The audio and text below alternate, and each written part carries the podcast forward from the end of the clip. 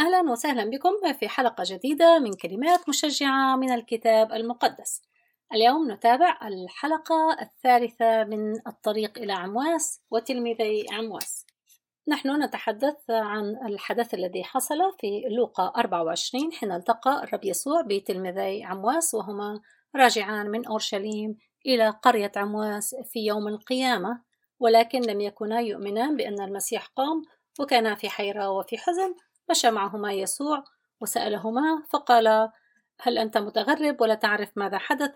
فكلمه أن هناك رجل اسمه يسوع وكان نبيا مقتدرا أمام الله والناس في الفعل والقول ولكن يسوع أجابهما وقال أما كان ينبغي أن المسيح يتألم بهذا ويدخل إلى مجده أن المسيح أن هذا التألم وهذا الصلب هو جزء من النبوءات وتحقيق النبوءات وجزء من عمل المسيح على هذا الأرض.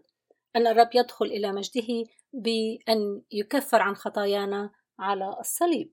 ثم ابتدأ من موسى ومن جميع الأنبياء يفسر لهما الأمور المختصة به في جميع الكتب. وقفنا عند هذا في الحلقة الماضية.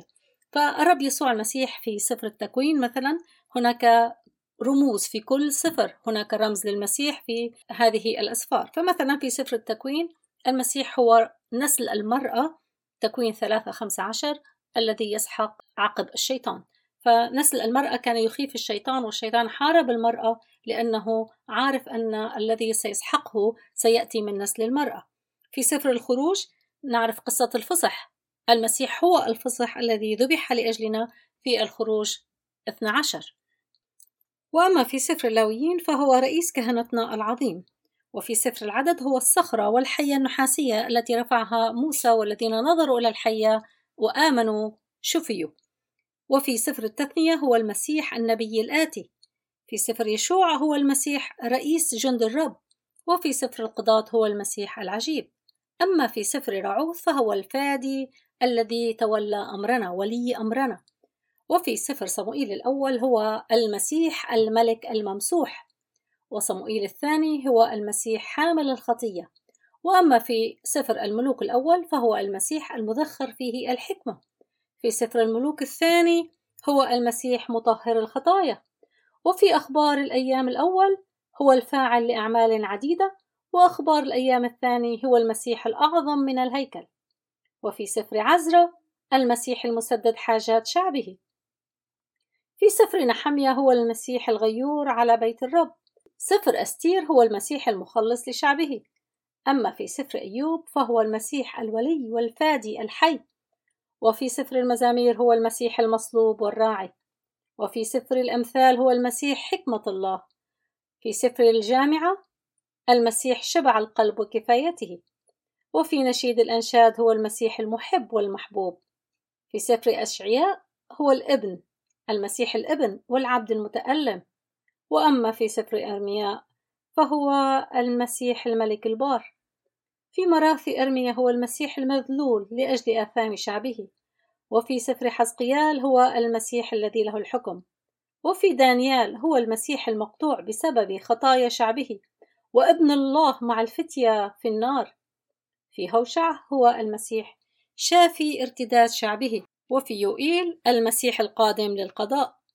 في عاموس المسيح مقيم مظلة داود وفي عبدية المسيح الملك المنتصر وفي يونان المسيح المدفون والمقام. كما نعرف أن يونان كان في بطن الحوت ثلاث أيام وثلاث ليالي وهو رمز ليسوع المسيح الذي كان في القبر ثلاث أيام وثلاث ليالي وقام في اليوم الثالث. ميخا المسيح المولود في بيت لحم. نحوم المسيح الرحوم والعادل وفي حبقوق المسيح نبع الفرح ومشبع القلب. وفي صفنيا هو المسيح القدير والجبار في الخلاص. وفي حجي هو المسيح مشتهى كل الأمم. وفي زكريا المسيح المجروح في بيت أحبائه. وفي ملاخي هو المسيح شمس البر. الرب يسوع المسيح لابد أنه أشار إلى النبوءات وأشار إلى نفسه كيف هو الذي حقق كل النبوءات في العهد القديم. فإذا الرب يسوع هنا فسر لهم ما يختص به في الكتب في جميع الكتب. يقولون أن هذه أعظم موعظة لم يسجلها الكتاب. طبعا الكتاب لم يسجل كل شيء وإلا كانت الكتاب سيكون آلاف وآلاف الصفحات. ولكن هذه الوعظة يبدو أنها كانت نفس طريقة الوعظ التي وعظ بها التلاميذ بعد يوم الخمسين. فهم أيضا اقتبسوا من العهد القديم. نرى وعظة إستيفانوس حين قبل أن يرجموه كان يعظ ويأتي بالكتب المقدسة ويأتي بالشواهد التي كانت في العهد القديم وما يخص يسوع حتى يقنع اليهود أن هذا هو المسيح المنتظر. هذا هو المسيح حقق النبوءات فآمنوا به ولكن للأسف وقتها رجموه.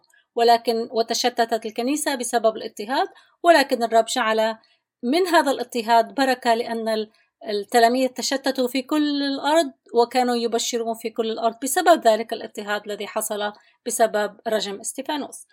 فهنا التلميذين فهموا النبوات الآن وثم اقتربوا إلى القرية التي كانا منطلقين إليها وهو تظاهر كأنه منطلق إلى مكان أبعد يعني هما يذهبان إلى بيتهما وهو ربما عرج لطرف آخر وذلك حتى يرى هل فعلا هم فهموا ويريدون أن يأتي إليهم. لا يريد أن يفرض نفسه والرب يسوع لا يفرض نفسه على أحد. هو يقول أنا واقف على الباب وأقرع إن فتح أحد لي أدخل إليه. يعني الرب يسوع يريد أن يأتي إلى قلوبنا ولكن المفتاح بيدنا. هو لا يفرض نفسه على أحد يريد أن يكون قلبنا مفتوح لاستقباله. فألزماه. فإذا هم جديين يعني رأوا أن هناك إنسان هذا إنسان يعرف الكتب والليل قد مال النهار قالوا له النهار نحو المساء ومال النهار فهم أرادوا أن يكون الرب يسوع معهم في هذا الوقت أحبوه يبدو أنه أحبوا هذا الرجل الذي يعرف كلمات الله. وكان يقولان كان قلبهم ملتهب بهذا الوقت. فلما اتكأ معهما أخذ خبزا وبارك وكسر وناولهما. فانفتحت أعينهما وعرفاه ثم اختفى عنهما. انفتحت أعينهما حين كسر الخبز لماذا؟ آه، هل لأن يسوع لما كسر الخبز آه، تذكروا أن الرب يسوع لما أشبع الجموع آه، كسر بطريقة معينة؟ هل تذكروا الصلاة التي صلاها حين كسر الخبز؟ أم لأنهم نظروا إلى آثار الجروح؟ يقول الكتاب المقدس أن سينظرون إلى الذي طعنوه يعني آثار المسامير وآثار الطعنة ستكون إلى الأبد على الرب يسوع حتى في الجسد الممجد. يعني يقول أحد الخدام أن الشيء الوحيد الذي في السماء من صنع الإنسان هو آثار الجروح التي نحن صنعناها. وباقي السماء كلها صنع الله إلا آثار الجروح. للأبد سننظر إلى آثار المحبة على يدي الرب يسوع. ثم اختفى عنهما لأنه جاء في جسد ممجد يستطيع أن يدخل والأبواب مغلقة ويستطيع أن يختفي متى؟ أراد. اختفى عنهما فقال بعضهما لبعض ألم يكن قلبنا ملتهبا فينا إذ كان يكلمنا في الطريق ويوضح لنا الكتب. انفتحت أعينهما وعرفاه. كان يكلمهما في الطريق ويوضح الكتب وكان قلبهم ملتهب ولكن عند كسر الخبز انفتحت أعينهما. انظروا الآن. سأرجع إلى قلت لكم أمسكت أعينهما. كان القلب ملتهب وانفتحت أعينهما. أمسكت هو مبني للمجهول والذي أمسك أعينهما هو الله. الله لا يريد أن هؤلاء التلميذين يروا يسوع ويفتح أعينهما انظروا هذا يسوع المقام ثم واو هللويا أنت يسوع المقام بدون أن يعطيهم فرصة لفهم لماذا هذا الرب يسوع هو الآن أتى ما هي آلامه ما هو هدف وجوده ما هو النبوءات وتحقق النبوءات فيه. أراد الله قبل أن يفتح أعينهما أن يعطيهما درس في النبوات وتحقيق النبوات حتى حين يؤمن به يكون إيمان مبني على المنطق مبني على الفهم مبني على محاكمة الأمور وليس إيمان فقط لأن شفنا يسوع وهذا هو وانتهى الأمر. فأصبح عندهم إيمان مبني على تحقق النبوءات وعلى أنهم رأوا الرب يسوع رأوا آثار الجروح فهم آه، فرحوا. فرحوا لأنهم عرفوا أن يسوع المسيح قد قام. الإيمان هو اقتناع كما قلنا الإيمان ليس عن آه، غباوة وليس عن عمي في القلب وعمي في الذهن ولكن هو انفتاح الذهن. حين ينفتح القلب ينفتح الذهن نفهم النبوءات نفهم الكتاب المقدس بمعونة الروح القدس. عندها الإيمان هو عطية من الله ونحن نقبل هذه العطية. وعندما تأتي هذه العطية يحصل خلاص للإنسان. حين نقبل هذه الكتب المقدسة ونقبل ذبيحة يسوع المسيح على الصليب في مكاننا. أتى ليأخذ مكاننا على الصليب. حين نؤمن ونسلم هنا ننال الحياة الجديدة. الحياة الجديدة ننالها بالإيمان. أجرة الخطية موت وأما هبة الله فهي حياة أبدية في المسيح يسوع.